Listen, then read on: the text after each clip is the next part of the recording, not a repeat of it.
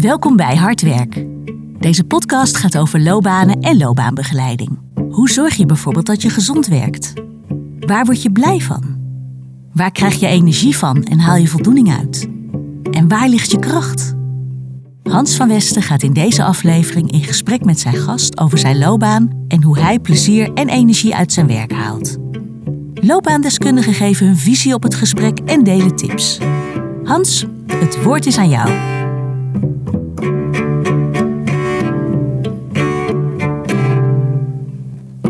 Dames en heren, we zitten met Leon Peek. Leon, welkom. Dankjewel. Goedemiddag. Goedemiddag. Wij kennen elkaar omdat we elkaar tegenkomen in autoshowrooms. Klopt. Ja, Ja. want vertel eens wat. Wat voor werk doe je? Ik ben autoverkoper. Kijk. Ja. Bij het mooie, mes- mooie merk Mazda. Ja, ja. En ehm, eh, wat is daar nou zo bijzonder aan als je dat werk doet? Wat daar bijzonder aan is, nou, elke dag is anders. Elke klant is anders. Eh, de auto's, dat maakt bijzonder. Ik ben echt een, eh ja, een om het zo maar te noemen. Ehm, dus ja, dat maakt het bijzonder. Dat, dat zat ik te denken van, moet je, als je auto's wil verkopen, moet je dan echt van auto's houden? Het maakt het wel makkelijker. Ja? Ja. Ja. Je hoeft niet van te houden. Er zijn ook vast wel verkopers die er niks mee hebben. Die het puur als werk zien. Ja, bij mij is het toch wel een soort van eh, hobby. eh dat werk is geworden eigenlijk. Ja. Hebben mensen een goed beeld, denk jij, van autoverkopers? Over het algemeen niet. Nee, hè? Over het algemeen zijn wij glad en eh, niet, eh, niet te vertrouwen. Ja. Hoe komt dat? ja, een stereotype die mensen toch krijgen. Misschien met films of, of dat soort dingen. Of media. Of slechte ervaringen. Maar ja, dat is niet overal zo. Ja. Zit er een groot verschil ook tussen de mensen die met nieuwe auto's, zeg maar, met tweedehands auto's bezig zijn? Nee, op zich niet. Nee, nee. Voor iedereen is een auto eh, een grote aanschaf. Dus of het nou nieuw of tweedehands is, of nou een auto van 1000 euro of van 60.000 euro of meer. In principe moet iedereen gewoon gelijk behandelen. En voor iedereen is het eh, een grote uitgave. Ja. Leon, ehm, er zit iets tussen de eerste keer dat wij met elkaar samenwerkten en de tweede keer. Klopt. Ja. En dat had iets te maken met dat ik dacht dat je weg was en je was het niet. Nee. Op een bepaalde manier. Dat klopt inderdaad. Vertel het verhaal. Nou, ik werkte bij een Mazda-dealer. Daar heb ik eh, bij elkaar vijf jaar gezeten. Die hadden twee merken. Eerst een ander merk en doorgeschoven naar Mazda uiteindelijk. Als, als brandmanager. Dat is een soort van eh, verkoopleider. Of nou ja, zoals het eigenlijk is, een ver- veredelde verkoper. Want de baas is nog steeds de baas. Je mag een hoop beslissen, maar eh, hij beslist uiteindelijk. Ehm, daar heb ik dus een, een kleine vijf jaar gezeten bij elkaar. En daar groeide ik een beetje uit mijn jasje. Ik eh, wilde wat anders. En mensen omheen riepen van... hey, is BMW niet wat voor jou? Dat past jou echt. En toen ben ik eens gaan kijken. En toen zag ik een vacature. Toen heb ik een kennis van mij heb ik gevraagd of die het bedrijf kende. Nou, die begon hard te lachen. Ik denk, nou, hou me op. Dat, eh, dat zegt genoeg. Hij zei, nee, nee, zo meen ik het niet. Het is eh, toevallig, want ik heb ze net een kwartier geleden aan de lijn gehad... of ik nog mensen wist. Dus eh, zodoende heeft hij mijn naam daar eh, naar voren geschoven. Ben ik op gesprek gegaan en eh, binnen een week was alles geregeld. Dus ik denk, nou, een leuke nieuwe uitdaging, een nieuw merk, mooi merk ook. Ehm, alleen, ja, na een drie weken mocht ik al eventjes langskomen op kantoor dat ik te hard liep. Ik ben iemand, ik sta graag op, ik ga graag naar mijn klanten toe. Maar dat was niet de bedoeling daar. Die moest in het team meer Laten we passen. even één stapje terug. Ja, Ehm, binnen een week beslissen om over te stappen van de een naar de ander. ja, Dat gaat ook snel, hè? dat gaat vrij snel. Ja, ja. Was dat voor jouw gevoel toen ook zo? Jazeker, ja, alles viel toevallig op zijn plek toen. Zo van een goed gesprek gehad. En uiteindelijk word je dus eh, aangenomen. Althans, dan doe je een voorstel en dan kom je samen uit. Ja. Ja. Dan is de keuze uiteindelijk snel gemaakt. Omdat je bij je vorige werk toch niet helemaal op je plekje zat uiteindelijk. Ja. Dus dan eh, tijd voor een stap. en je, zei, je zei in de tussenzin van BMW vond ik ook een mooi merk. Ja, Dat was al langer, denk ik. dat is al langer. Ja. Ik vind het heel gaaf met die wat, wat, wat duurdere auto's natuurlijk. De M-modellen. Dat vond ik heel gaaf om, eh, om mee te mogen maken inderdaad. Ja. En werkt het dan ook zo voor mensen die in dat vak zitten... dat ehm, je, zeg maar, je graag wil werken bij de merken waar je iets mee kan hebben? Op zich wel, ja. Ja, Ja. ja. Uiteindelijk moet je wel een, een, een merk moet je wel aanstaan. Staat je aan, dan verkoop je het ook niet. Nee. Je moet wel uitstralen naar de, naar de klanten. Ja. Hey, toen was je binnen en Ja. toen na drie weken zeiden ze... Nou Leon, even een tandje minder. Even een tandje minder. Ja. Ja. Ja. Dat eh, viel een beetje rauw op mijn dak. En eh, ja, ik ben echt van opstaan en, en naar de klant toe gaan, dingen voor de klant doen. En dat werd daar niet zo gewaardeerd. Nee. En toen, hoe ging dat gesprek? Toen eh, moest ik wat dingen veranderen. Nou, dat heb ik wel gedaan. En toen ging het op zich wel beter. Ik heb me wat meer op de vlakte gehouden. Zoveel als ik kon. Maar ja, dat is lastig natuurlijk. Je moet, je moet jezelf kunnen zijn. En dat heb ik uiteindelijk eh, nou ja, nog eh, ruim 3,5 maand volgehouden. Dus in totaal zat ik daar toen vier maanden. Zeg ik goed? Ongeveer vier, vijf maanden. En toen heb ik uiteindelijk reed ik er heen en ik dacht mezelf... Leon, je bent niet gelukkig nu. En toen ik dat tegen mezelf zei in de auto naar werk, toen dacht ik van... hé, hey, dit is niet goed. Nee, Ik moet hier wat mee. ja. En ik heb wat eh, vacatures gezien van Mazda. Dus ik had er op twee of drie gereageerd. Nou ja, eentje wat eh, net eh, een nieuwe bezetting, dus dat, dat kon niet. Die vond het wel erg jammer. En de andere was wel ver weg. Voor mij dan een uurtje rijden, zeg maar. Ja. 70 kilometer ruim. Dus ja, dat was nog wel van, wil ik dat? En het merk Mazda, dat, dat is gewoon iets... Dat, dat past bij mij. Ik ben zelf ook heel erg bezig met de MX-5 ook rond mijn werk. Dus Mazda ben ik altijd wel mee bezig. En dat is gewoon een merk wat, wat bij mij hoort, bij mij past. En ehm, toen ben ik, eh, heb ik daar gereageerd op, op de vacature. Het was ja, maar je woont ver. Weet je, als je hier in de buurt gewoond had, had ik je waarschijnlijk gelijk aangenomen. Maar je woont gewoon heel ver. Dus dat maakt het wel lastig. Nou, toen heb ik uiteindelijk eh, met een paar eh, appjes heen en weer, belletjes heen en weer, heb ik mijn huidige baas weten te overtuigen om toch in gesprek te gaan met elkaar. En hij zei, nou, een kop koffie kunnen we altijd doen. Maar ja, wat hij dacht van, het wordt gewoon een kop koffie, is uiteindelijk dus een samenwerking geworden. Ja, Ja, goed hoor. Ja, En nog even, even terug naar waar het dan misgaat. Hè? Want dan, Ja. dan ga je naar een merk toe waar je al jaren een soort van sympathie voor hebt. Misschien. Mhm. zelfs een beetje bewondering. Eh, dan krijg je zo'n kans. Nou, dan ben je ook, kan me voorstellen, trots en blij. En, Zeker. eh, het, is ook, het voelt ook misschien als een stap vooruit ja, om, om dat te doen. toch nog iets meer premium. Ja, Ja, precies. En dan valt het zo tegen. dat dus. Ja. Ja. En dat zit niet in wat je verkoopt. Nee. nee, want ik verkocht achter elkaar auto's. En de klanten waren leuk. De after-sales mensen waren leuk. Maar in de sales was het gewoon niet leuk. Ja. Nee. Heel gemaakt. En dat, dat past mij niet. Nee. Denk je dat de mensen die daar wel werkten, dat die het wel gewoon naar hun zin konden hebben? Dat het gewoon een ander slag is, zeg maar. Het is sowieso een andere slag, ja. ja. Ja. Dus onderling hadden die het wat makkelijker met elkaar. En daar paste ik gewoon niet bij. Nee. Ik ben gewoon recht door zee en ik zeg waar het op staat. En ik hou van eerlijk en oprechtheid. En dat, eh, ja, dat was daar niet. Nee. Nee, Als wil ze het zelf waarschijnlijk nooit zo zeggen. dat, eh, dat zeker. Ja. Ja, precies. Hey, en dan zei je, eh, even snel, die aftersales, daar had ik wel wat mee. Daar had ik wel wat mee. Ja. Ja. Dat is misschien toch een ander slag volk tussen haakjes. En eh, nou, daar kon ik het goed mee vinden. Dus was ik ook, ik was er vaak beneden bij hen te vinden.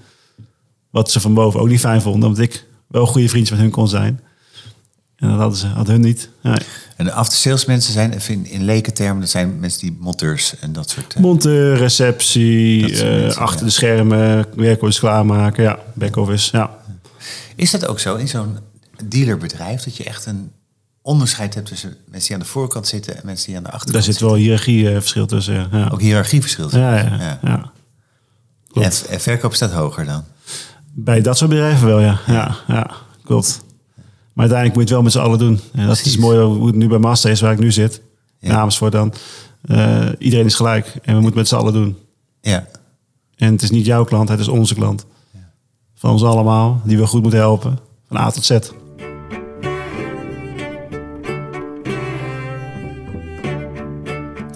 Toen je overstapte hè, naar, naar eh, BMW, hebben jullie het daar toen over gehad? Over hoe de sfeer is en de onderlinge verhoudingen en de cultuur en dat soort dingen? Ja, maar ik moest maar luisteren naar hogere hand, zeg maar. Er zat een verkoopleider en dat was in het begin leek het eh, een aardige vent. En hij was heel open eh, naar mij toe, dacht ik. En uiteindelijk was het mijn grootste vijand. En deed ik het niet goed volgens hem. En moest ik luisteren zoals bij hem moest. Ja. En zijn wil was, was wet. Ja. Ja. Dingen beloven, niet nakomen ook. Heb je er wakker van gelegen? Nee, dat niet. Nee. Daar ben ik eh, nuchter genoeg voor, inderdaad. Ja. Ja. Maar toch die constatering, die verzuchting van ik ben niet gelukkig zo. Ja, klopt. Je gaat op je tenen lopen op een gegeven moment. En dan van, nou, dan doe ik het nu goed volgens hun richtlijnen. Zover als ik kan. En uiteindelijk denk je, ja, dit is gewoon niet wat ik moet doen. Hier wil ik niet nog jaren zitten. Wat gebeurt er als je op je tenen gaat lopen? Merk je dat ergens aan? Of is het vooral het idee, de waarschuwing in je hoofd? Nou, je bent continu bezig met doe ik het wel goed? Je bent continu bezig van ben ik wel gelukkig uiteindelijk? En ja, je bent gewoon niet jezelf. Je bent zelf wat zagrijniger, wat moeier. Dus het, het werkt ook op je lichaam uiteindelijk. Word je er ook een minder goede verkoper van? Ja en nee, want aan de andere kant blijf je wel heel gedreven om wel al die auto's te verkopen. En te laten zien, kijk eens wat ik doe. Maar als dan gezegd wordt van ja, het gaat niet om aantallen, het gaat om het totaal. Ja, om ook van dat je in het team past en dat soort dingen. Ja, lastig hè?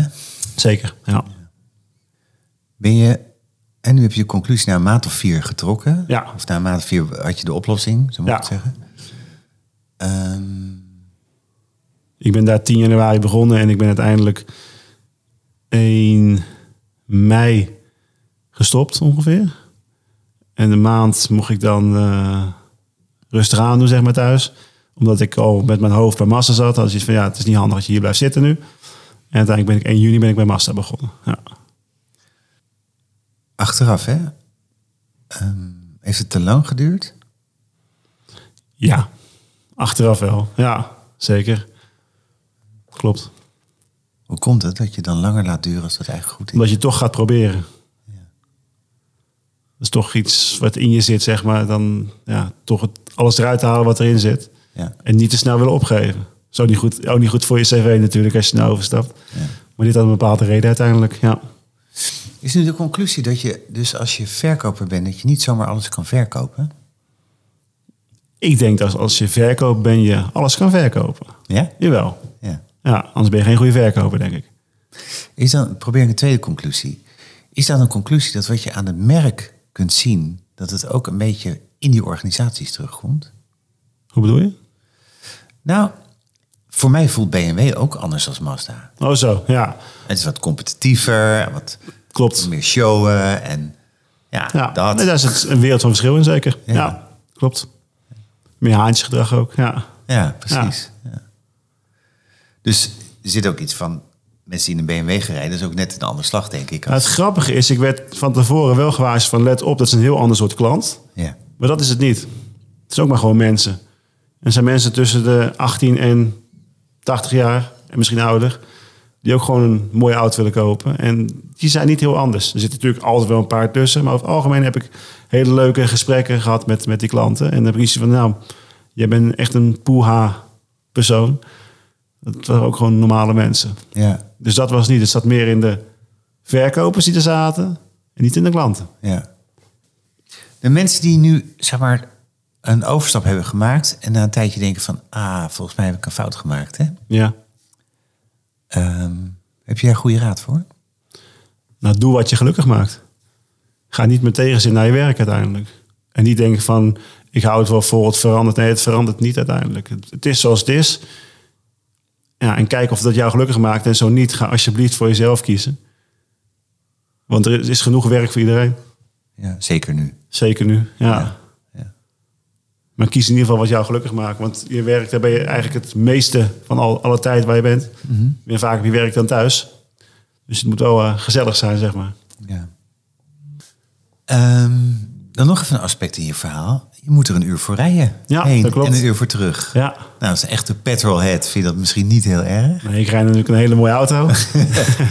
en eh, ik rijd de goede kant op, gelukkig. Ja. Ik heb af en toe een kleine vertraging.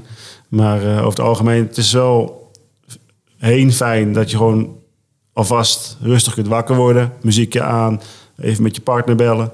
En terug kan je hoofd leeg. En als je thuis komt, dan is ook echt werk uit. En dan ben je gewoon thuis. Dus op zich, ik vind het geen probleem. Nee. En natuurlijk, ik vloek wel eens wat de medeweggebruikers als het weer druk is of als dingen gebeuren. Maar dat is ook een soort van eh, psychologie. Zou je verhuizen voor je werk? Uiteindelijk wel. Ja. Ja, maar dat heeft ook meer te maken met dat aan die kant van het land ook iets goedkoper is qua huizen. Ja. Met wat ik uiteindelijk wil. ja. Ja. Zou je mensen ook aanraden als ze veel woon-werkverkeer kilometers moeten maken om gewoon hun woonplek aan te passen aan hun werkplek? Ik denk dat uiteindelijk dat het je wel meer rust geeft. Dus ja, Ja. als je je oude woonplek kan loslaten, ja. En als je nou kan, moet kiezen, hè? want je, je hebt natuurlijk ook altijd de mogelijkheid om je werkplek aan te passen. Klopt. Met het risico zoals jij dat ook hebt ervaren. Ja. misschien kom je op de verkeerde plek terecht. Mhm. Wat is dan het belangrijkste Het belangrijkste is dat je gelukkig bent. met je werk? Met je werk, met alles om je heen eigenlijk. Ja. Ook privé. Ja. Het moet wel kloppen, zeg maar. Het moet samen één geheel zijn. Ja. En als jij op een bepaalde plek wil blijven wonen en in de omgeving is weinig leuk werk te krijgen, dan moet je wel voor jezelf gaan nadenken uiteindelijk.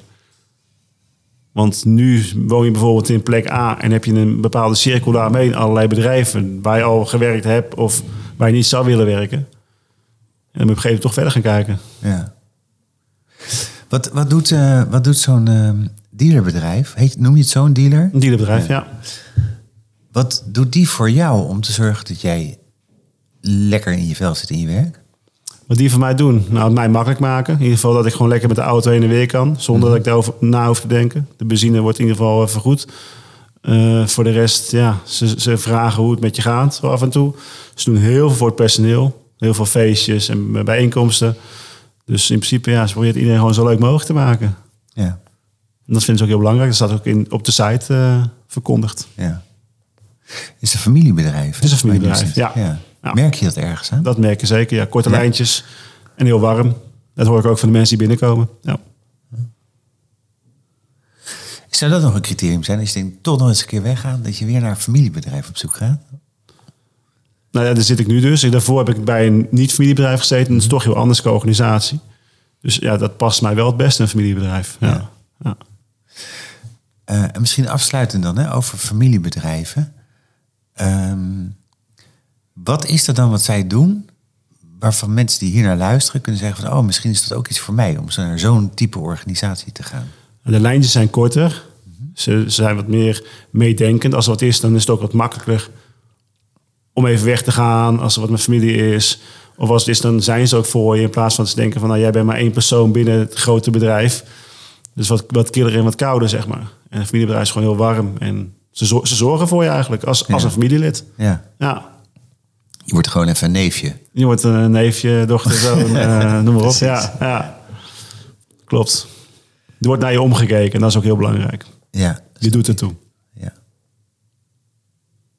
Ik heb toch nog een vraag. Dat mag. Ehm, wat, wat doen autoverkopers of mensen die werken in dealerbedrijven, wat doen die aan opleidingen? Is dat veel? Moet je veel naar school van Mazda, zeg maar? Nou, veel naar school. Je kan natuurlijk kiezen. Je kan voor de IVA kiezen. Dat is de meest bekende eigenlijk. Heb ik zelf niet gedaan. Ik heb zelf eh, de HAVO gedaan. En toen ben ik HBO, logistiek en economie gaan doen. Alleen, eh, uiteindelijk was het niet mijn ding. Toen ben ik naar Nijmegen gegaan. Dat je een, eh, een particuliere opleiding van twee jaar. Linarts Instituut. En daar had je een autoverkoopopleiding met NIMA Sales, middelmanagement, autoverkoop. Dus die heb ik eigenlijk gedaan. Maar het belangrijkste is dat, dat het in je zit, het verkopen. Want je kan allerlei opleidingen doen, maar je moet het eigenlijk ook kunnen. Het moet wel een beetje in je bloed zitten. En dat was bij mij gelukkig eh, van toepassing. Ja. Wanneer had je dat door, dat het in jouw bloed zat? Wanneer had ik dat door? Ik denk toen ik lekker ging verkopen. Eigenlijk gewoon gelijk maar vanaf het begin. Ik begon in november bij een dealerbedrijf. En vanaf januari startte ik dan gelijk eigenlijk met eh, zelfstandig. De eerste twee maanden waren natuurlijk een beetje meelopen. Verkocht ik wel iets, maar niet de wereld. En vanaf januari ging ik gelijk eh, ja, vol in de bak. En dan eh, het eerste jaar waren ruim 180 auto's al. Hoeveel? Ruim 180 al, Ja. het eerste jaar, ja. En dat heb ik eh, bij die eerste dealer waar ik zat, heb ik zeven jaar gewerkt. En elk jaar wel de meeste auto's mogen verkopen. Dus ja, dan, Ja, dat dan doe je ik toch iets goed. mooi, hè? Dat Ja. vind ik wel mooi. Zeker Ja. als er mensen zitten die al langer als jou in het vak zitten. En die het nakijken geeft op een leuke manier natuurlijk. Moet wel Ja. leuk zijn onderling. Ja, Ja. dat klopt. Dus resultaten helpen om het naar je zin te Resultaten helpen om naar je zin te maken. Dan zit jij lekker in je vel. Als jij in een paar dagen niets verkoopt, dan moet je natuurlijk ook een soort van zaggerijnig. en denk je, wat is er aan de hand? En Ja. Verkoop je dan weer een auto, ja, dan word je toch weer blij. Ja. En als je dan nog een complimentje kijkt, eh, krijgt, ja, dan eh, helpt het natuurlijk extra. En hey, goed gedaan of fijn dat je je auto verkocht hebt. Zeker. Wat ik knap vind aan eh, die verkopers, realiseer ik me nu, nu je dit vertelt, Ja. is dat je natuurlijk heel veel keren per jaar dat kunstje moet doen. Ja. En toch een klant het gevoel geeft dat je het alleen voor hem of haar doet. ja, dat klopt. Ja. Maar uiteindelijk doe je het ook alleen voor hem of haar. Alleen per individu is anders natuurlijk. Ja. Je, doet, je helpt de klant. We zijn er om de klant te helpen, niet om, niet om een poot uit te draaien. Tuurlijk, we willen geld verdienen en de klant wil de beste deal. Maar uiteindelijk moet je er samen uitkomen. Ja. Dat je allebei gewoon een goed gevoel overhoudt in ieder geval. Ja. Leon, dankjewel. Graag gedaan. Jij bedankt. U luisterde naar een interview met Leon Peek. We hebben Maya Pronk gevraagd hierop haar reactie te geven. Maya heeft haar eigen coachpraktijk en is als docent en supervisor verbonden aan Vistanova. Maya, welkom. Eh, jij hebt zojuist naar het interview van Leon geluisterd. Is jou nog iets opgevallen vanuit loopbaanperspectief? Heb jij bijvoorbeeld nog tips voor de luisteraars? Ja, een heel mooi interview met Leon. Ehm, en wat hij zelf enkele keren benadrukt, is hoe ontzettend belangrijk het is om happy te zijn op het werk. En, ehm, en dat, dat is een open deur, dat, dat weten we allemaal. En toch is het, um, ja, sta ik er wel versteld van hoeveel mensen blijven zitten in een baan die uh, comfort biedt of uh, ja, arbeidsvoorwaarden, zekerheid, maar het is vaak schijnzekerheid. Um, terwijl ze er eigenlijk niet gelukkig van worden. Ja. Dus, en nou ja, in dit geval hè, bij Leon is het, uh, heeft het misschien best wel even als een vorm van falen gevoeld, omdat hij teruggegaan is hè, naar, uh, naar Mazda. Mm. Maar ik vind het juist ook wel heel krachtig van hem dat hij die conclusie heeft getrokken en ernaar gehandeld heeft. En teruggekeerd is naar het merk dat gewoon beter bij hem paste, waar hij gelukkiger werd. Ja, begrijp ik. Ja, en een, een ander aspect, uh, uh, wat, wat ook wel heel duidelijk uh, door hem aangegeven wordt, is hoe belangrijk het is dat hij, dat hij fitter is tussen jou en de organisatie. En dat vind ik wel een, een grappige, omdat ik bij, vaak bij coaches zie dat ze, als ze echt in die arbeidsmarktbenadering zitten, dat ze dan zo eager zijn om de baan te krijgen, dat ze eigenlijk onvoldoende aandacht hebben voor het onderzoeken of de organisatie wel past. Oh ja. Dat het echt ook wel een belangrijk onderdeel is. Dat past de organisatie bij mij. En een tip die ik altijd geef aan, uh, aan coaches is dan om te kijken, wat zijn nou drie hele belangrijke kernwaarden van jou die je in je werk wil, wil zien, wil tegenkomen? En hè, voor de een is dat uh, transparantie, voor een ander is dat, uh, dat, dat, dat had ik laatst bij een coachie, dat ze zei van nou, dat, ik vind het wel heel belangrijk dat ik de tijd krijg om echt wetenschappelijk naar het werk te kijken. En dat tegenover meer resultaatgericht bijvoorbeeld. Mm-hmm. En dus als je op die manier kijkt van wat zijn mijn kernwaarden, hoe wil ik mijn werk kunnen doen, in wat voor omgeving, in wat voor cultuur, en daar echt drie ja, twee à drie kernwaarden aan verbindt en daarop doorvraagt in je sollicitatie, dan ben je echt wel meer aan het kijken naar, aan het onderzoeken van past deze organisatie ook bij mij. Ja. En uiteindelijk, ja, als je de baan krijgt, is juist dat, die, die, die kernwaarden, dat is waar je wel of niet op gaat groeien, op, hè, op in de flow gaat of, of op afhaakt.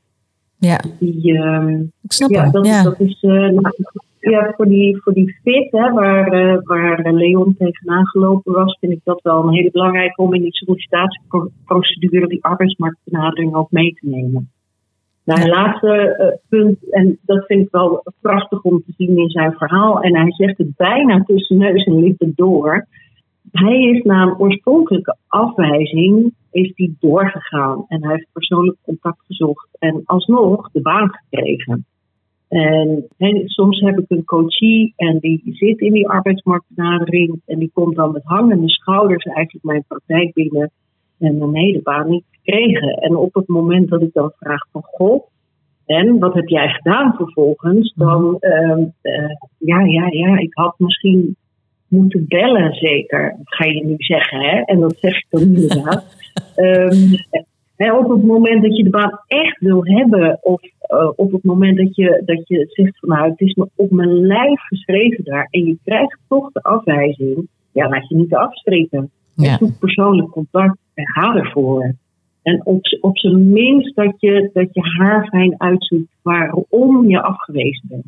Ja, daar kun je ook van leren. Nou, zeker. Heel leerzaam. Ja, ja. En, en, toch uh, laten veel uh, coaches, veel mensen die de arbeidsmarkt ja, benaderen, zoals wij dat noemen, die laten juist dat zitten. En dat is heel jammer. Mooi. Neem het heft in eigen handen. Ja, ja, blijf stuurman.